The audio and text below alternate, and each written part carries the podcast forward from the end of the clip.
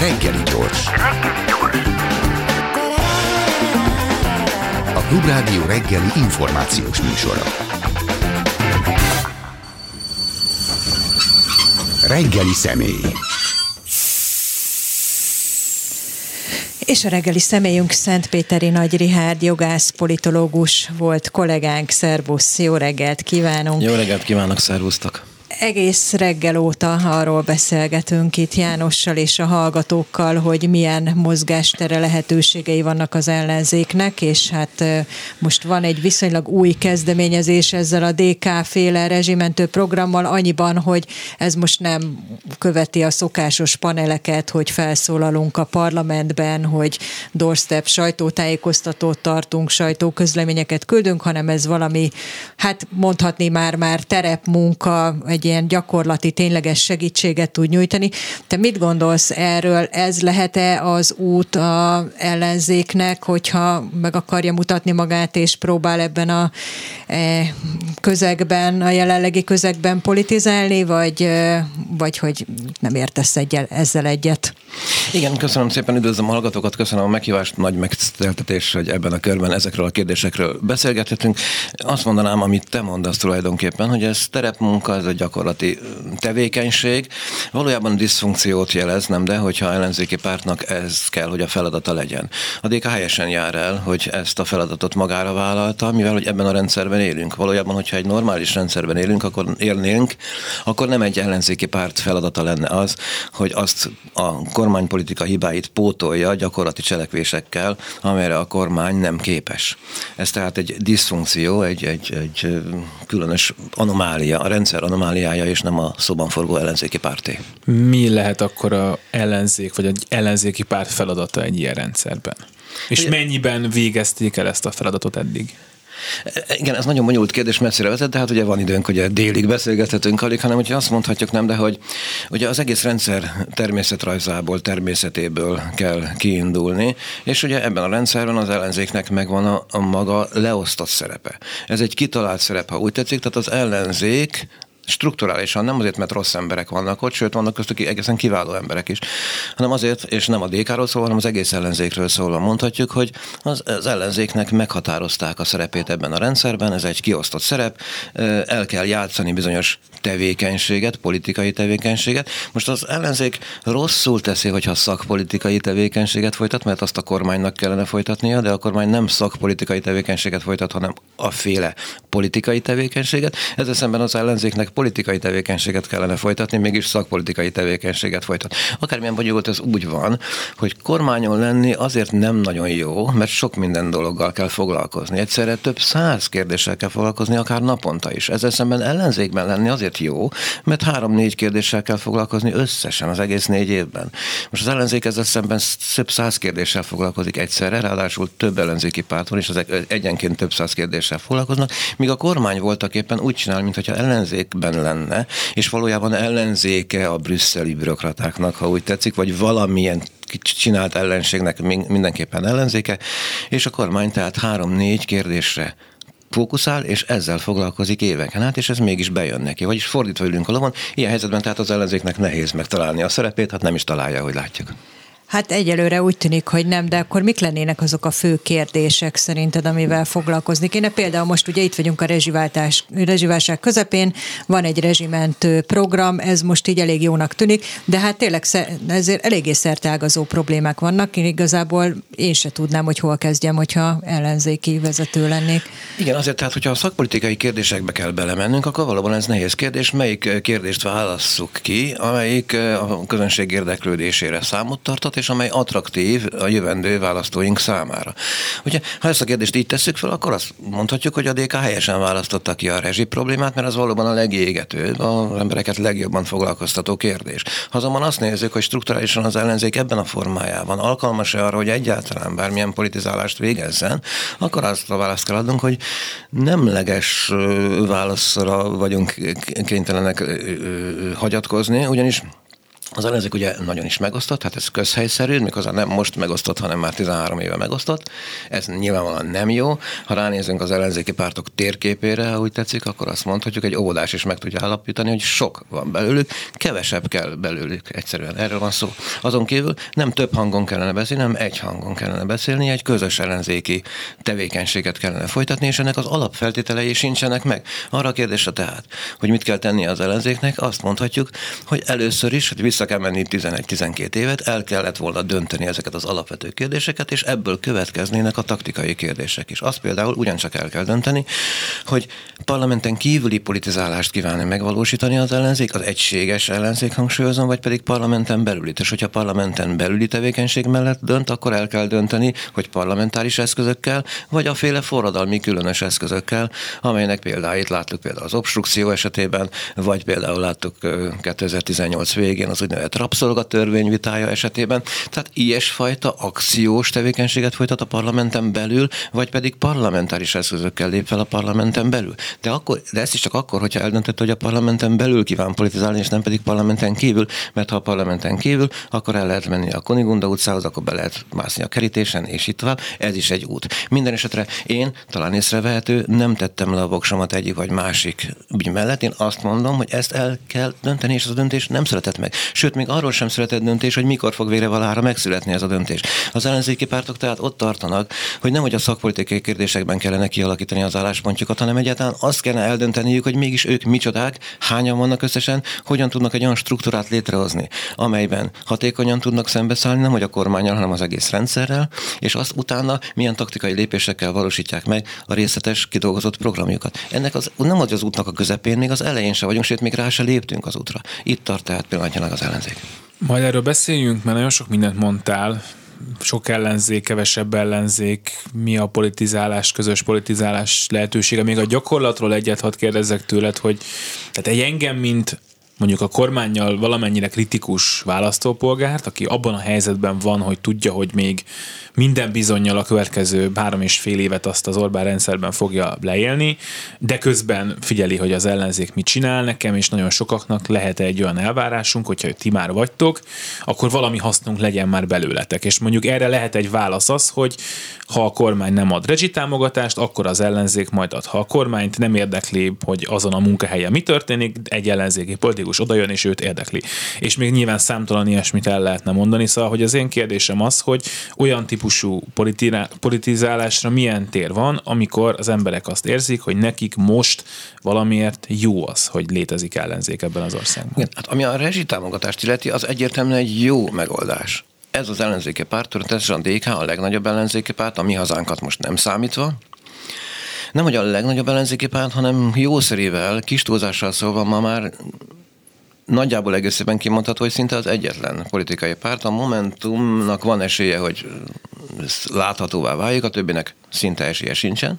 Ez egyébként eh, olyan következtetések, ez a tény olyan következtetések levonására is alkalmassá tehetné az ellenzéki pártokat, amely a további integráció felé mutat, de most ezt már hagyjuk. Mindenesetre ennek az ellenzéki pártnak, amely hasonló elvárásoknak kell, hogy megfeleljen, amelyeket most itt megfogalmaztál, és a közönség nagy részében ezek az elvárások megfogalmazódnak, az ez ellenzéki párt helyesen teszi, hogyha történetesen a a rezsitámogatás ügyében lép, és méghozzá ez az eszköz is jónak látszik, úgyhogy alig, ha nem ezzel nem csak fölhívja magára a figyelmet, hanem használ is embereknek. Konkrétan segít embereken. És mi más lenne a politika? Általában véve a politika célja. A par excellence politizálás célja nem, de az, hogy az embereknek jobb legyen. Az ember azért megy politikusnak, hogy változtasson a dolgokon, javítson a dolgokon, és nem azért, hogy hatalommal legyen további integrációról beszéltél, meg hogy hagyjuk, hát most ne hagyjuk. Tehát, hogy azt gondolod, hogy ez lenne az irány, mert hát az én is úgy látom, ahogy te, hogy igazából nincsen már nagyon ellenzék, tehát, hogy itt beszélünk másfél pártról, vagy egy potenciálisan létező pártról és egy másik létező pártról. Hát honnan tud kinőni egyébként egy ellenzék, ami majd alternatíva lehet egyszer? Majd arról is beszélünk, hogy mikor. Igen, hát ezek között a pártok között a politikai verseny eldőlt. Hogy aztán majd mi lesz 5 év múlva, 10 év múlva, azt meglátjuk, mint hogy azt is megbeszélhetjük, hogy mi volt 5 vagy 10 évvel ezelőtt. Ha már itt adtunk egykoron, 10-11 néhány évvel ezelőtt, amikor az a rendszer elindult, akkor egy más struktúrában volt az ellenzék, akkor nagyon erős volt az MSZP, és rajta kívül nem volt erős senki kis túlzással szólva. Tehát az MSZP lehetett volna az integratív tényező, hova mindenki beszáll. Csak mondom, hogyha 2014-ben az MSZP egy párton kívüli miniszterelnök jelöltet állít Bajnai Gordon személyében, de hozzáteszi a szervezeti kultúráját, ugye a aktivistáit, akkor az egy nagyobb eséllyel kecsegtetett volna a választásokon, mint végül is az a struktúra, amelyel az ellenzék fölállt. 2018-ban ugyancsak bírálhatjuk a dolgokat, hiszen 2018-ban talán emlékszünk, az úgynevezett koordinált indulás volt, ami egy köztünk szóval egy marhaság volt, és ezt az első pillanatban lehetett tudni, mégis mindenki bevette, csak jelzem, hogy... Ez az úgynevezett esélyes jelölt. Igen, tehát a közönségre bízták azt, amit ők nem tudtak eldönteni. Na most a 2022-es választásokat megelőzően az általam sokat bírált úgynevezett előválasztáson ugyanezt tették, csak már egy struktúrált körülmények között végül is a közönségre bízták azt, hogy döntse el, amit ők nem voltak képesek eldönteni. Bár sok esetben képesek lettek volna eldönteni, csak éppenséggel a választás érdekében lárpullár, vagyis az előválasztás előválasztás érdekből rendezték meg az előválasztást magát. Ennek az égvilágon semmi értelme nem volt, nyugodtan mondhatjuk mondhatjuk ezt is marhaságnak, vagyis az ellenzék nem használta ki, hát ez a minimum, amit lehet mondani, azokat a politikai lehetőséget, amelyek rendelkezésre állnak, vagyis nem abban a struktúrában állt föl a partvonalra, amelyen lehetett volna. Most a következő választás még messze van, de pillanatnyilag ugye ma, szerdán az látszik, hogy a DK a legerősebb ellenzéki párt, és a többi ellenzéki pártnak ezt észre kell venni, tehát itt detektálni, fölismerni ezt a helyzetet, és ebből politikai következtetéseket levonni. Az a politikai következtetés, amelyet, amelyeket a pártok levonnak, a kisebb pártok, hogy tehát meg kellene nekik erősödniük, ez egy az ő számuk szempontjukból, különösen a párt vezetők szempontjából érthető, még majdnem talán legitim törekvésnek is tekinthetnénk, csak hogy ez megegyezik a Fidesz érdekeivel a hatalomnak. Éppen az az érdeke, hogy ezek a kis pártok létezzenek, lehetőleg ne szűnjenek meg, lehetőleg ne integrálódjanak nagyobb ellenzéki pártokba, és lehetőleg ilyen megosztott legyen az ellenzék. Vagyis amikor azok a kis pártok a létük érdekében, a fönnmaradásuk érdekében külön utas politikát kívánnak folytatni, és arra törekednek, hogy megkülönböztessék magukat más ellenzéki pártoktól, ezzel tulajdonképpen azt játszák el, amit a Fidesz vár el tőlük, pontosan azt csinálják, amit a hatalom akar, hogy a közönség is ezt akarja, arra vonatkozóan azt lehet mondani, hogy nem, az ellenzéki közönség nem azt akarja, hogy ezek a kispártok különutas politikát folytassanak, hanem azt akarja, hogy egységes ellenzék legyen, aminek végre legyen már egyszer esélye arra, hogy nem hogy a kormányt, hanem a rendszert is leváltsa. Oké, okay, hogy nem közös pártban, de hogy egy egységes ellenzék az volt 2022-ben. Az a fajta teljes összefogás, amit itt nagyon sokan már évek vagy választások óta szerettek volna, az abban az értelemben megvalósult, hogy jobbikostul LMP-stől mindenki egyben volt. Kétségtelen, hogy addigra már Jobbik meg LMP szavazó kevésbé volt, vagy legalábbis aki lett volna, az nem jött ezzel a, ezzel a párttal el ebbe az összefogásba, és azt mondtad, hogy az ellenzéki közönség ezt akarja, lehet, de hogy az ellenzéki közönség nem bizonyult elég számúnak ahhoz, hogy megközelítse a kormánypárti közönséget a választáson.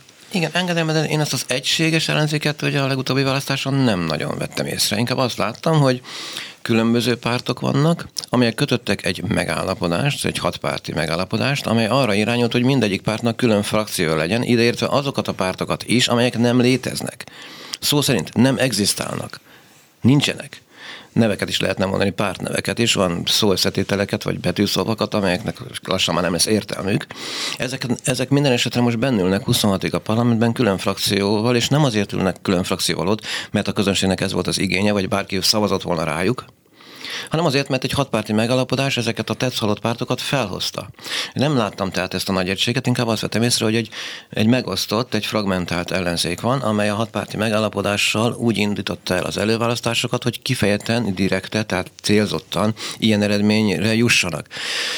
Az előválasztás pedig éppenséggel még rátett egy lapáttal, mert a, nem a a közösség az, az egységesülés felé mutatott, nyilvánvalóan ez a politikai tevékenység, hanem a különbségek felmutatása felé mutatott, hiszen világosan, strukturálisan a dolog természetéből adódóan a választásokon nyilvánvalóan a jelölteknek a különállásukat, a másoktól való különbözőségüket kell hangsúlyozni, különben mi értelme lenne a létüknek.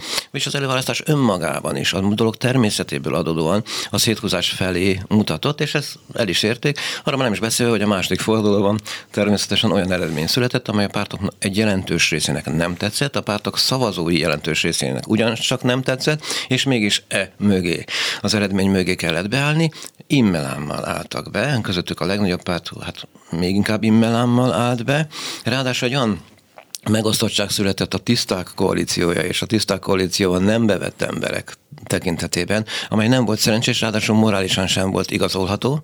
Csak jelzem, hogy a tiszták koalíciójában olyanok voltak, akik nem voltak tiszták, és akik kimaradtak, azok olyanok voltak, akik valójában tiszták voltak, de ez semmilyen egyszerű, mert voltak tiszták is és nem tiszták is mindkét oldalon. Ennek a tiszták dolgoknak, tehát az égvilágon semmi értelme volt, ez is csak arra volt jó, hogy még jobban megosztja az ellenzéket, vagyis az általad említett egységes ellenzéket én a 2022-es választások előkészítői során sem vettem észre.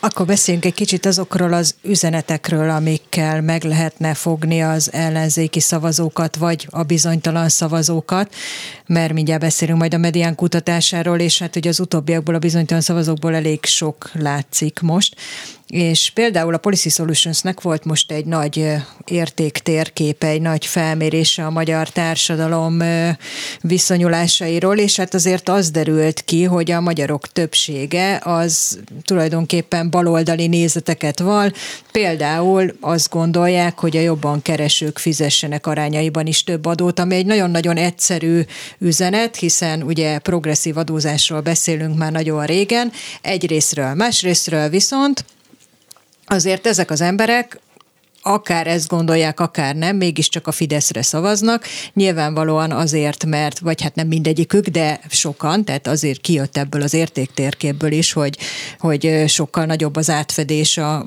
baloldali és a Fidesz szavazók között, mint azt gondolnánk, és majd a baloldali nézeteket vallók és a Fidesz szavazók között, tehát, hogy akkor mégsem lehet őket úgy látszik ilyen egyszerűen megfogni, mert van valami, amit a Fidesz közvetít, nevezzük populizmusnak, nevezzük nevezzük kormányzati kommunikációnak, ami sokkal erősebb annál, mint hogy én progresszív adózást szeretnék, és arra pártra fogok szavazni. Most függetlenül, hogy nincs jelenleg olyan párt, aki ezt kifejezetten kitűzte volna, mert nem ezzel voltak igazából elfoglalva a választások előtt, de ha lenne is, vagy hát voltak ilyen gondolatok, akkor is az látszik, hogy nem ez az erősebb üzenet, hanem az, amit a másik oldal közvetít a saját eszközeivel.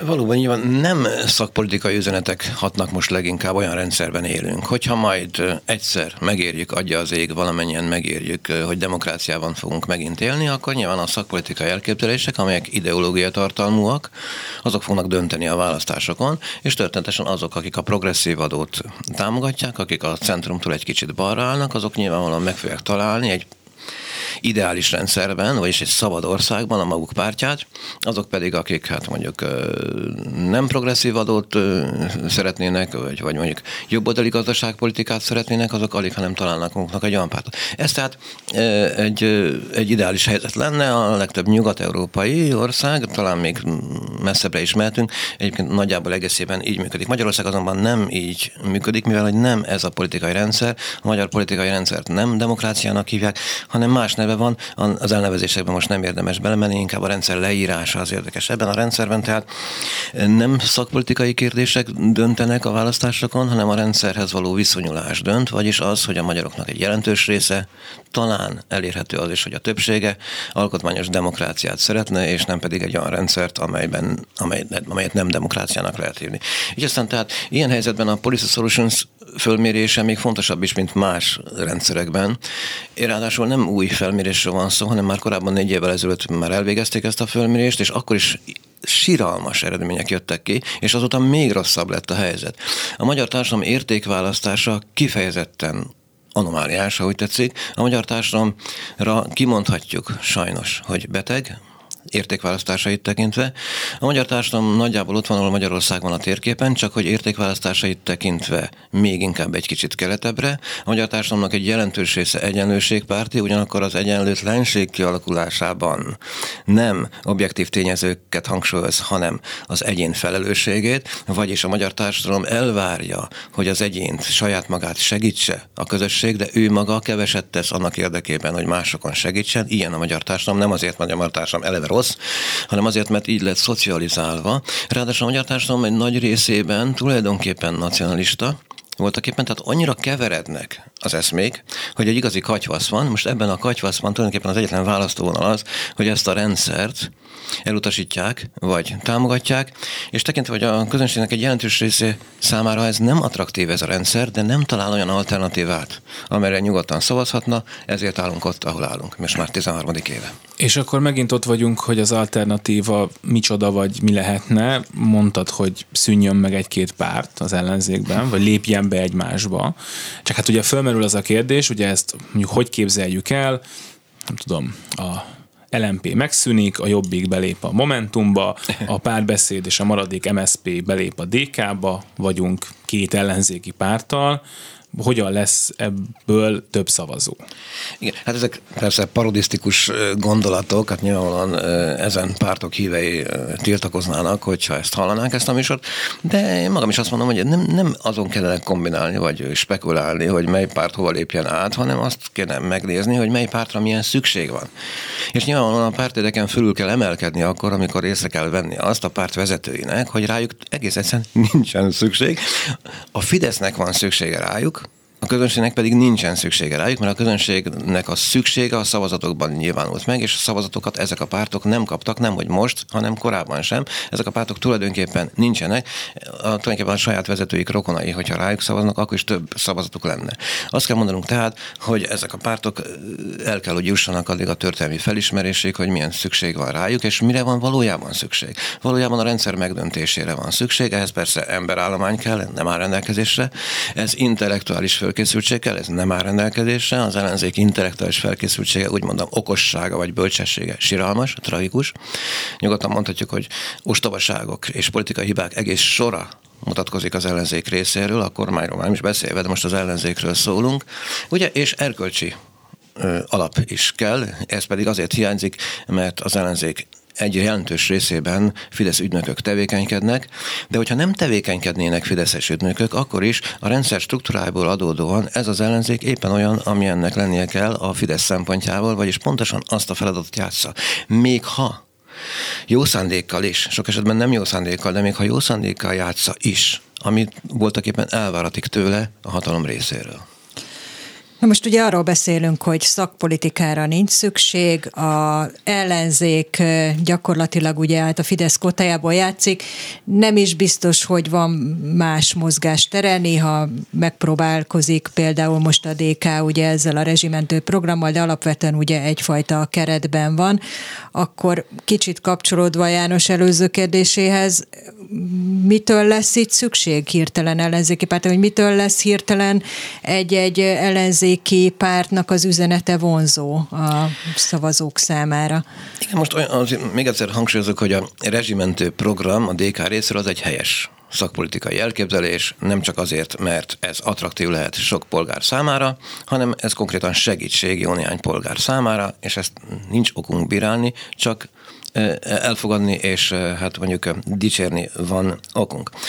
Ugyanakkor nyilvánvalóan az ellenzéknek azonnak strukturális problémán kell elgondolkodnia, hogy egyfelől hogyan viszonyul a rendszerhez, másfelől, hogy milyen struktúrát alakít ki a saját maga tekintetében. Hát bocsánat, kérek, bármilyen szakpolitikai elképzelés nagyon is helyesen üthet, és attraktív lehet az ellenzéki szavazók szemében, de ahhoz, hogy ez megfogalmazódjék, hogy néhány pontra, mondjuk három, négy, maximum öt kérdésre fókuszálva, éveken át tartó, következetes politizálással az ellenzékű szavazókhoz szóljanak ezek a pártokhoz, az kell, hogy saját tekintetében biztonságban legyenek, de nincsenek biztonságban a saját maguk tekintetében, mert egyrészt rengeteg Fideszes van közöttük, másrészt jó szándékkal is a Fidesz kottájából játszanak, és harmadrészt nincs meg az a struktúra, hogy úgy mondjam, nincs meg az a szerkezet, amely lehetővé tenni, hogy felvegyék a harcot. Vagyis azokat a kérdéseket, amelyeket ebben a műsorban már említettünk, vagyis hogy parlamenten belül vagy kívül, hogy egységesen vagy külön, és így tovább, ezeket el kell dönteni. És még azt sem mondtam kis túlzással szólva, hogy hogyan kell dönteni. Azt mondtam, hogy dönteni kell, és azt a döntést most meg kell hozni ma. Szerda van. Ma délután, ha még ez mindig nincs meghozva, akkor már késő van, és akkor pontosan 12 évet késtek el. Ha holnap döntenek, akkor még többet fognak késni. Mm, hogy Szóval, hogy nem az-e a baj, hogy miközben a kormánypártnak folyamatosan több szavazója lesz, tehát ugye 2010-ben nagyon sok szavazója volt a fidesz KDN-ben, 14-ben kevesebb, 18-ban már több, mint 2010-ben, 2022-ben pedig még több, mint 2018-ban.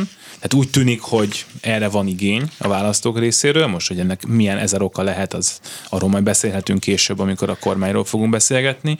Közben pedig az ellenzéknek attól, hogy összefogott, nem úgy fogott össze, hogy te szeretnéd, de mégis valamilyen módon együtt indult a választáson, abból kevesebb szavazója lett. Tehát, hogy nem következik-e abból, hogy ez az ellenzék ezekkel az emberekkel, ezekkel a, ezzel a mondani valóval egészen egyszerűen nem jut el elég választóhoz ahhoz, hogy le tudja váltani ezt a kormányt. De következik, annyit mondanék, hogy nem arról van szó, hogy én ezt vagy azt szeretném, hanem arról van szó, hogy ha az ellenzék szeretne bármit is, különösen hatalomra kerülni, akkor nem azt kell csinálnia, amit eddig csinált, hanem azt, amiről most beszélünk. Nem, hogy én szeretném ezt, hanem a közönség jelentős része szeretné ezt, és hogyha a közönség jelentős része ezt nem kapja meg, akkor el fog fordulni ezektől a pártoktól, jelzem, megérkeztünk ebbe az állapotba, éppen itt tartunk most, tehát olyan körülmények között beszélgetünk, amikor az ellenzéki pártok jelentős része nem attraktív a választók számára, és ezért a választók el tudnának most fordulni új szereplők felé. Ezek az új szereplők egyelőre nem látszanak. Hát nem, a mi nem, hazánk felé fordulnak. A mi hazánk felé fordulnak, így van. A baloldali szereplők egyelőre nem látszanak, nem is nagyon látszódhatnak, hiszen kis országról van szó, de azért innen üzenjük, hogyha most, nem azt jelenti, hogy ma, hanem ugye ezekben a hónapokban egy ellenzéki szerveződés szeretné kidugni a fejét a homokból, most több esélye van, mint akár néhány hónappal ezelőtt volt, vagy akár néhány hónap múlva lesz. Tehát ez mondjuk egy, egy lehetőség az ellenzék számára, csak hogy ez azzal járna, hogy tovább aprózódik az ellenzék, a dezintegráció felé megyünk a 13. évben is a rendszernek, 13. évében, és nem pedig az integráció felé, tehát ez se különösebben uh, szerencsés eset. Inkább ott, ott, van, ott tarthatunk most, hogy ez a mező nincs teljesen lefedve. Vagyis van lyuk, a mezőn, még lehet más szereplőknek benne jönni. A közönség egy jelentős része egyébként igényli, hogy legyenek új arcok, hát csak azért is, mert megunta ezeket az arcokat. Nem azért, mert az ember megun mondjuk tíz év alatt egy arcot, mert ez is egyébként jellemző. Tehát a nyugat-európai politizálásnál is kimutatható, hogy nagyjából egészében egy-egy vezetőnek körülbelül egy évtizede esetleg kettő jut, kettő az nagyon-nagyon-nagyon-nagyon ritka. De inkább arról van szó, hogy azért unta meg a közönség jelentős része ezeket az arcokat, mert ezek az arcok nem teljesítettek, ha úgy tetszik, vagyis nem végezték el azt a feladatot, amivel az ellenzéki választók őket megbízták. Akkor vegyük át egy kicsit még mindig a lehetőségeit az ellenzéknek. Itt van például ugye az, hogy tüntetés. Na most az a probléma ezzel, hogy például itt van a tanár tüntetés, ahol kifejezetten kontraproduktív lenne, hogyha arra most én csúnya szóval mondom, rárepülnének az ellenzéki pártok, hiszen ez ugye egy szakszervezeti összefogás látszik körvonalazódni, de mindenképpen egy szakmai megmozdulásról van szó. Miközben nyilvánvaló, hogy az egyének, a párt egyéni tagjai, az, azok megjelenhetnek, és sőt, még pluszpontot is mutat nekik az, hogyha ők ott vannak a tüntetésen. De például egy ilyen helyzetben, amikor van egy, hát még nem országos, de remélhetőleg országos méretűvé növő tiltakozás, akkor ő, ő nekik ilyenkor milyen szerep jut, vagy hogyan tudnak ők helyezkedni úgy, hogy hát ne úgy tűnjön, hogy most akkor learatnak egyfajta politikai babért azért, ami tulajdonképpen nem is az ő ügyük. Igen, ez, ez azért is kitűnő kérdés, mert ugye valóban az ellenzékben ez dilemma. Ezt a kérdést ugyancsak nem tudják eldönteni. Ugye semmit sem tudtak eldönteni, ez sem. Pedig ez nem azért jelentős kérdés, mert most fölmerült, mert hasonló dolgok nem ilyen erővel ugyan, de fölmerültek az elmúlt 12 évben szinte fél évente. És mégsem sikerült dönteni ebben a kérdésben. Azt kéne mondanunk, hogy most már megint csak itt az idő, hogy ebben döntés szülessék. Ebben az adott helyzetben az a helyzet valóban, hogy az ellenzéki politikus és az ellenzéki párt nagyon nem teheti meg, hogy nem szól az dologról semmit, hiszen és akkor miért van ott? Ugyanakkor, hogyha nagyon beleártja magát, akkor ugye leuralja a, a közvélemény szemében a kérdést, és árt az ügynek. Már pedig az ügynek jelentősen lehet ártani egy-egy rossz szóval, esetleg egy csúnya szóval is adott esetben, vagyis azt kell mondanunk, hogy az ügyet kell nézni, és hogyha az ellenzéki pártok ezt nézik, akkor helyesen járnak el. Vagyis az ellenzéki pártok ebben a helyzetben, itt most felmenteném őket, olyan sok minden nem nagyon tehetnek, inkább azt tehetik, hogy kifejezik egyetértésüket a tiltakozókkal, kifejezik a nem tetszésüket a oktatáspolitika területén, elmondják, hogy mindez, ami az elmúlt 12 évben oktatáspolitikában történt, az valóban drámai, és hogy ezen úgy kell változtatni, hogy tulajdonképpen szembefordulunk az egésszel, visszafordulunk az úton, és visszacsináljuk mindazt, amit korábban ez a kormány tett, mindenféle okokra és ideológiai alapokra hivatkozva, nem létezőkre, persze. Ráadásul ugyanazok részéről voltak a hivatkozások, akik korábban sok esetben ezt kimerem mondani, a kommunista ideológiára hivatkozva tevékenykedtek az oktatáspolitikában. Magyarul tehát itt az ellenzék valóban nehéz helyzetben van. Talán azt lehet tenni, hogy ezekbe a kérdésekbe nem különösebben beleszólva, de a parlamentben képviselve ezeknek az érdekeit, de nem fölháborodva. Mert fölháborodni az utcán kell a tüntetésen. A parlamentben nem fölháborodni kell, hanem okosan beszélni kell. Nem a vita érdekében, hanem az ügy érdekében. Vagyis itt azt lehet tenni az ellenzék számára, hogy ha majdan eljön az az idő, hogy politikusok fognak vég- tüntetni ismét, akkor a tüntetés műfaját kell átgondolni. A tüntetések ugyanis sok esetben nem arról kell, hogy szóljanak, amiről a korábbi tüntetések szóltak az elmúlt bő egy évtizedben, vagyis nem arról van szó, hogy a közönséget oda rendeljük, és bizonyos szónokok jól rosszul átgondolt gondolatokat jól rosszul elmondanak vagy felolvasnak, mert ennek az égvilágon semmi értelme, az emberek nem színházba mennek, amikor tüntetni mennek, hanem kifejezni valamit, és a szónokok és a pártok is jól teszik, hogy a közönséggel együtt vannak. Ugye a templomban se azért járunk, hogy ott valami sok újat halljunk, hanem közösen énekelünk és közösen hallgatunk valamit, és éppen azért, hogy az közösség itt megnyilvánuljon.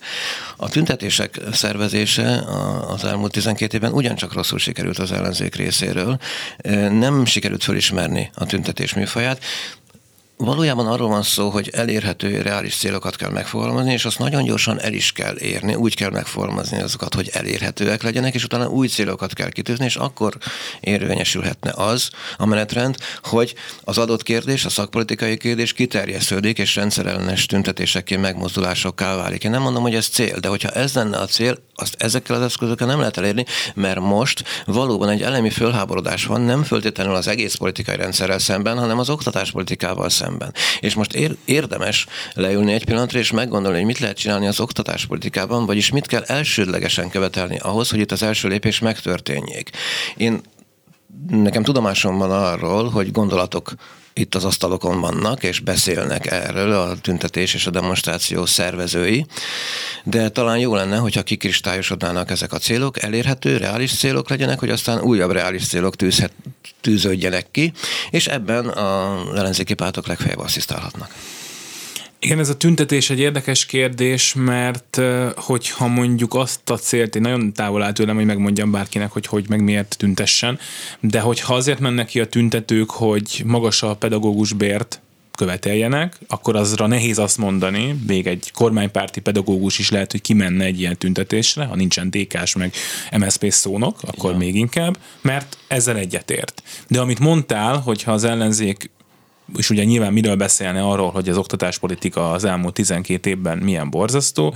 Ennek a megváltoztatása az akkor történik meg, hogyha kormányváltás lesz. Kormányváltást meg nem lesz a tüntetés céljai között, elért céljai között meg végképp nem. Tehát, hogy itt van egy ellentmondás, hogy rendszer ellen tüntetünk, és akkor megy a politikus, és akkor azok jönnek, akik a rendszer ellen vannak, azt meglátjuk, hogy mennyien vagyunk, vagy keressünk elérhető közös célokat, adott esetben mindenkivel. Én az utóbbit mondanám, annál is inkább, mert ugye arra is figyelni kell, mert az is egy ellentmondás, hogy mit mondunk el a nyilvánosság előtt, és mit mondunk el szűk körben. Most a nyilvánosság előtt beszélgetünk erről, és itt azt mondanám, hogy még ha cél lenne is, ezt csak föltételezzük, az egész rendszer bedöntése, itt elsősorban a oktatási rendszert, a, ezt a fajta, ezt a társadalmi alrendszert kell megreformálni, méghozzá jelentősen a feje tetejére a talpára kell állítani, az úton az utcából vissza kell fordulni.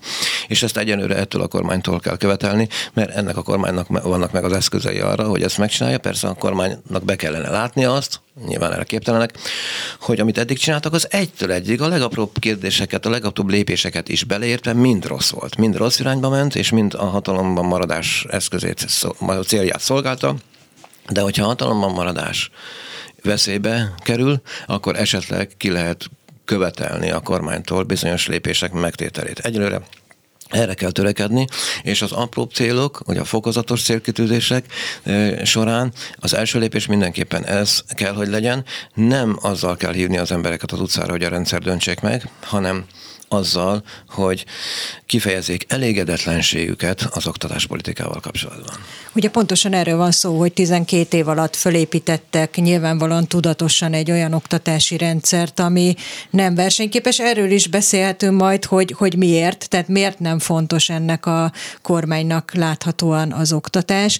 De még visszatérve oda, hogy ugye az oktatásról a parlamentben kell beszélni, és hogy ezt kell követelni, és előbb-utóbb eljöhet az a pont, amikor amikor, hát ebbe változás lehet, amikor már érzi inogni a székét a kormány. Hát egyelőre nem itt tartunk, egyelőre az látszik, hogy vitanapot kezdeményezett az ellenzék, és hát bohóc tréfa lett belőle, most nagyon csúnyán mondva Maruzsa Zoltán kiállt, elmondta, hogy minden rendben, nincs itt semmi látnivaló.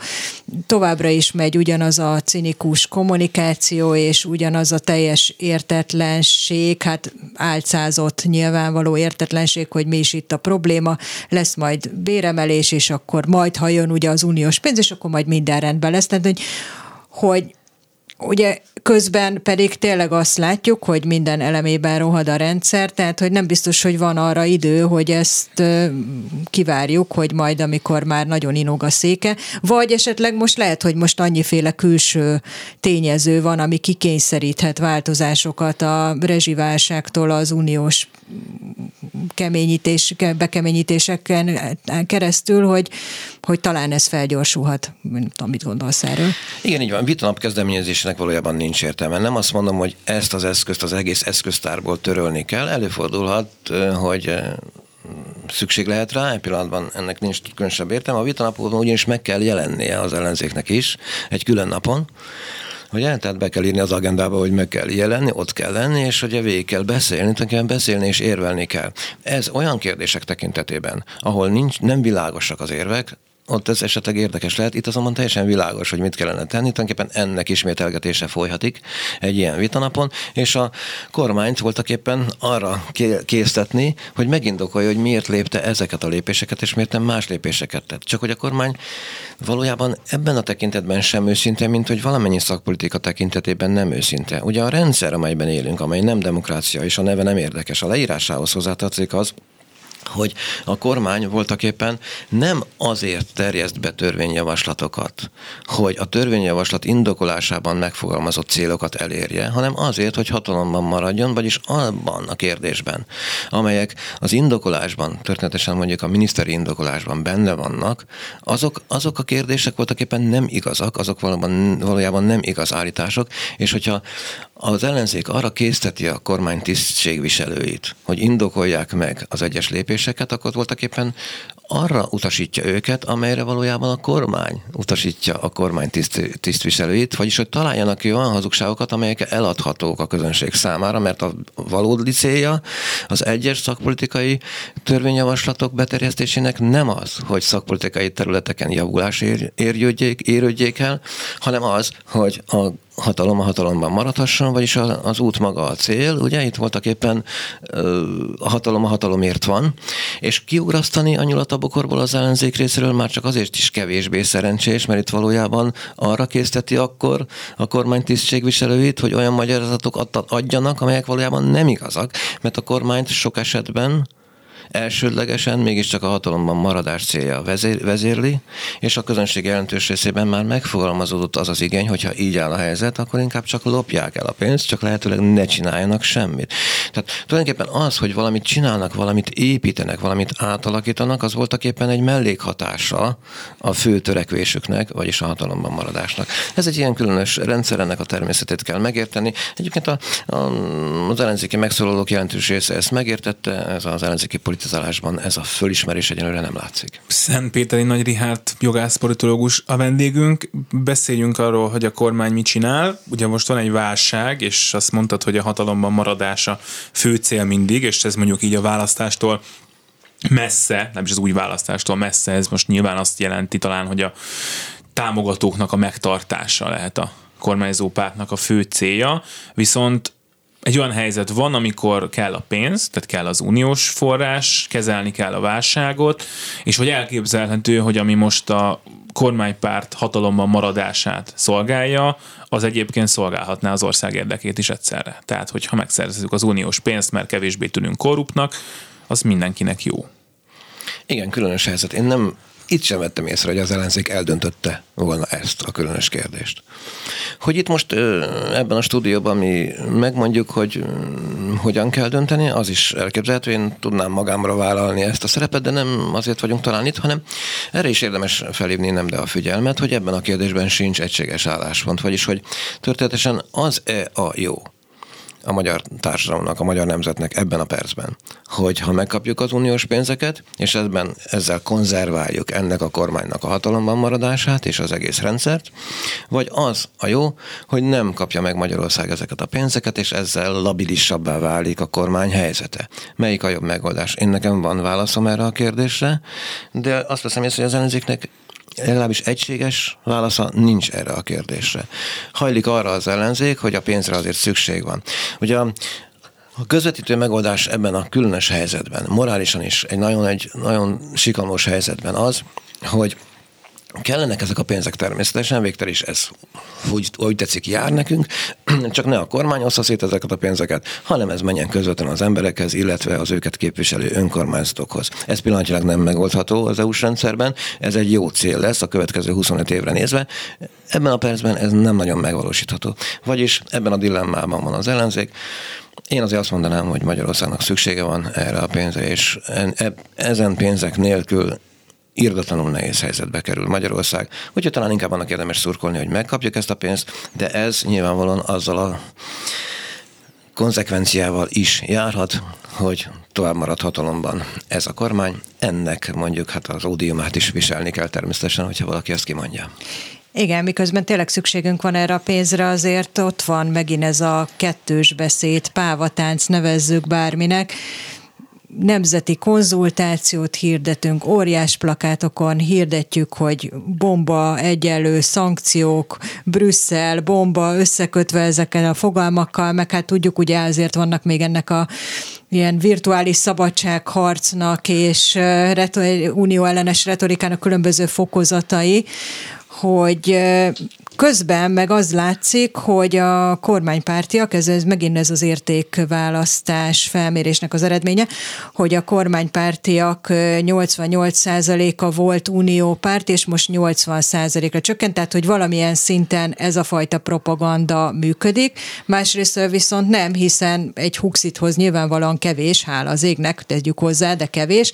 Tehát, hogy van-e értelme ennek, hogy miközben egyik oldalról kell nekik a pénz, most mond mondtuk, hogy nekünk is kell a pénz, másik oldalról akkor miért kell nekünk szankciós bombákat rajzolni, meg unió ellenes szabadságharcot folytatni. Értem, hogy vannak olyan belpolitikai célok, csak hogy nem fontosabb-e most az, hogy jöjjön az a pénz.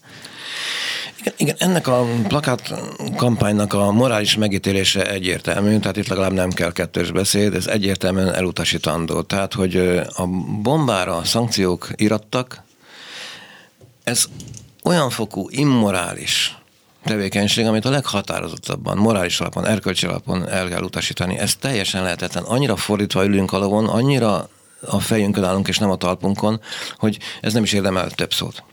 Ez tehát, ez tehát egyértelmű. Azonban, hogy vajon működik-e vagy sem, arra azt kell mondanom szemben más véleményekkel, esetleg a, a, a tieddel is, hogy ez igaz is, igenis működik. Az a tapasztalatom. Ebben a kérdésben nem, hogy pessimista lennék, hanem egyenesen vészmadár vagyok a magyar történelem ezer éves perspektívájából nézve is ez jelentős kérdés, a legjelentősebb kérdés, az európai integrációhoz való tartozás kérdése, és az, hogy már nem 88 százalék az EU támogatottsága, hanem 80 százalék, amely könnyen lemehet akár 70-re, és így tovább. Ez engem nem nyugtat meg, szemben sok más megszólalóval. Inkább azt a tapasztalatom, hogy a megszólalók egy jelentős része nem méri föl ennek a veszélyét, és azt gondolja, hogy a magyar társadalom annyira Európa párti, hogy bármi bármilyen propagandával, akár a legerősebb propagandával sem lehet változtatni a preferencia sorrendjén. Én ezt sajnos nem így látom, én azt látom, hogy akár néhány hónap alatt is meg lehet fordítani egyértelműen és morálisan alapos meggyőződéseket a társadalmunkban, hiszen olyan erővel, olyan méretekben folyik a propaganda, az indoktrináció, amely veszélyes a fejekre. Itt tehát én kifejtem vészmodárként azt mondom, hogy nagyon veszélyes az a fajta nyugatellenesség és EU ellenesség, amely kezd kialakulni a magyar társadalom egy részében, és ez gerjesztett, kormányról gerjesztett és közpénzen folytatott propaganda az EU-val szemben, ez a lehető legveszélyesebb a magyar társadalomra nézve. Nem tartunk még ott, hogy a magyar társadalom megfordult volna, nyilvánvalóan többségben vannak az EU pártiak a magyar társadalomban, ez nem is kérdés, de előfordulhat olyan eset, hogy odáig tud lemenni az EU népszerűsége a magyar társadalomban, hogy akár fölvethető az EU-ból való kilépés, mint ahogy ez már fölvetődött, és csodálkozom, hogy a magyar elemzők jelentős része nem figyelt föl arra, hogy EU-ból való kilépés lehetősége, sőt perspektívája nem kormánypárti publicisták részéről, hanem a kormány fő részéről is elhangzott, és 2030-ra vetítve, ami holnap után lesz, nagyon közel van, úgyhogy itt én a lehető legveszélyesebbnek tartom ezeket a folyamatokat. Nagyon is tartok attól, hogy hova megyünk, tulajdonképpen vesztünk be, rohanunk. Azt szokták még ezek a megszólalók mondani valóban azon kívül, hogy hát a társadalom sem akarja ezt, hogy feltétlenül a kormány sem akarja, mert hát hogy a hatalom maradást, az hatalma maradást éppen az erősíti, hogy van uniós forrás, meg van közös piac, meg nem 700 forint egy euró, hanem csak 400 valamennyi éppen.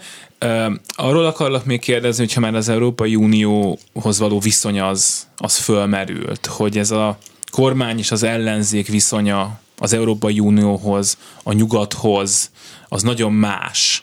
És hogy nagyon sokszor érzi azt az ember, hogy amit a kormány mond ezzel kapcsolatban, ami egy kritikusabb hozzáállás mindenféleképpen, mint a általános ellenzéki hozzáállás, és nyilván ott is a párt és párt között lehet különbség, bár lehetne ugye vitatkozni, hogy melyik párt mennyire létezik, de ezt most ne nyissuk ki újra.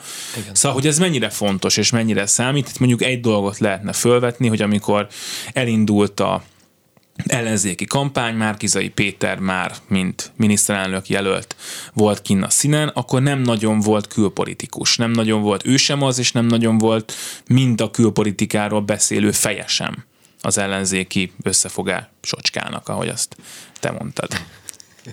Talán nem ezekkel a szavakkal, de minden esetre volt bírálni az ellenzék összefogást.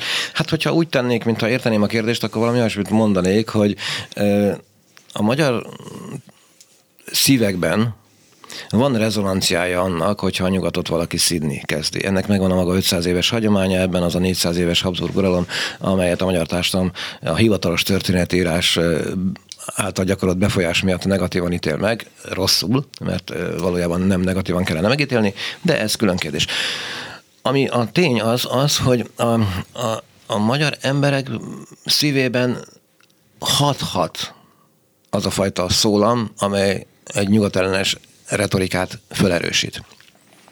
Ezt, mint mondtam, hallatlan veszélyesnek tartom. Ez a reflektálatlan EU ellenesség ebben az országban, amelynek elemi érdeke az Európai Unióhoz való tartozás. Még akkor is elemi érdeke lenne, ha az Európai Unió nem lenne ennyire jó, mint amilyen jó, mert sokkal jobb, mint amilyen a híre, mert valóban bizonyos intézményi reformok esetleg várhatók a következő évtizedekben, de még ezen intézményrendszer szerint is ez egy kiváló történelmi távlatokban nézve is kiváló kezdeményezés, amely a béke megőrzését szolgálja, amely a demokrácia föntartását szolgálja, amely az alkotmányos demokrácia értékeit fejezi ki. Ehhez tartozni egyszerűen jó, és nem pedig rossz. Meg a jólét sem mindegy. Meg a jólét sem mindegy. Hát egyébként együtt jár ezzel, ez a felismerés is érdemes lenne egy néhány szóra, vagyis hogy a, az alkotmányos demokrácia és a jólét az tulajdonképpen kéz a kézben jár, még akkor is, hogyha vannak bizonyos ellenpéldák itt-ott időről időre, de valójában történelmileg ez a rendszer bizonyította életképességét. Vagyis olyan egyszerűen lehet ezt kifejezni, hogy oda tartozni jó, és oda nem tartozni rossz. Nem, hogy rossz, hanem egyenesen tragikus. Az tényleg ugrás a semmibe. Hogyha Magyarország nem lenne EU tag, vagy ha jövőben nem lesz EU tag, az a lehető legnagyobb tragédia ennek a nemzetnek. A magyar nemzet fönnmaradását is azt szolgálja, hogyha ez a társadalom az Európai Unió integrás része.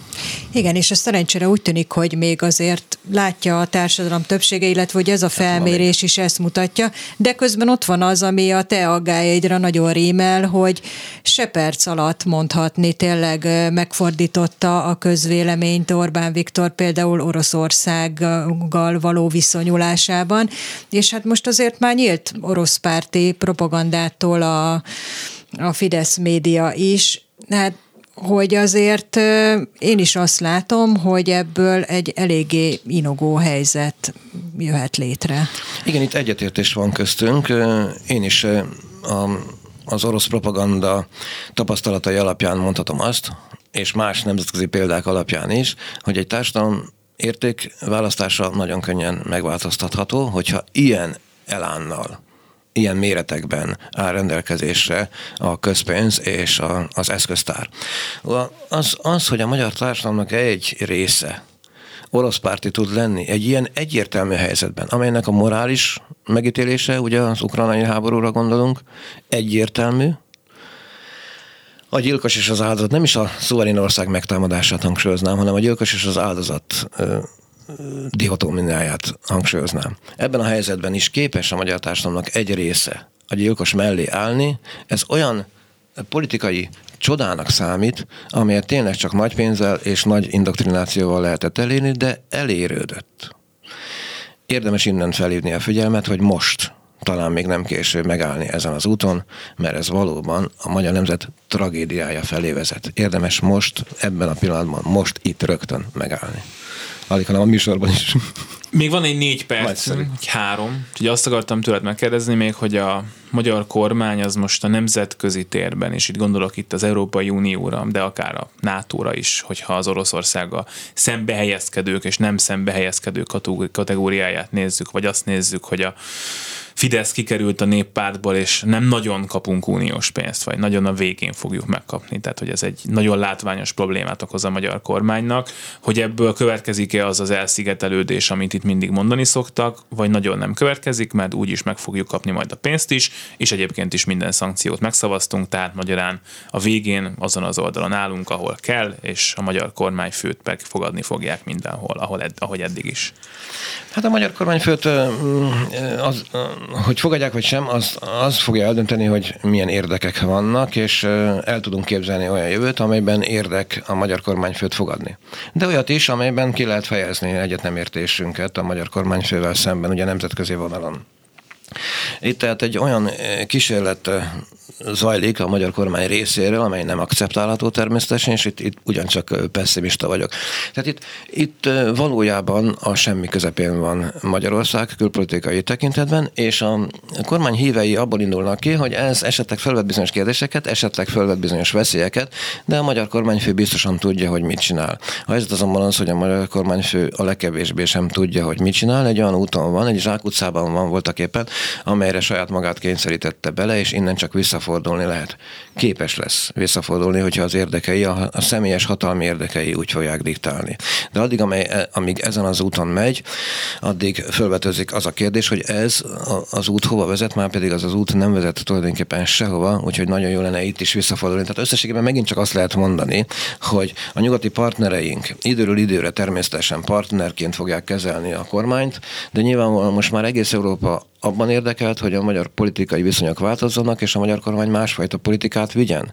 Az orosz-ukrán háború kérdésében is, az európai integráció mélyítése kérdésében is, az euró, euróhoz való csatlakozás kérdésében is, és így tovább. Ez az érdek megfelel a magyar társadalom érdekének is, vagyis az európai intézmények, mindenek előtt a bizottság végül is a magyar társadalom érdekében jár el, szemben a magyar kormányal, amely a magyar társadalommal szemben jár el. Ez egy különös és faramúci helyzet, ezen azon úgy lehet változtatni, hogy vagy a kormánypolitika változik, vagy a kormány változik. Szentpéteri Nagy Rihárd, jogász, politológus volt kollégánk, volt itt velünk, köszönjük szépen. Köszönöm szépen. És ezzel véget is ért a mai reggeli gyors. Selmeci János és Herskovics Eszter voltak a műsorvezetők. Lantai Miklós, Simon Erika, Petes Vivien voltak még a műsor közreműködői. Köszönjük szépen, viszont hallásra! Reggeli gyors, nem maradjon le semmiről.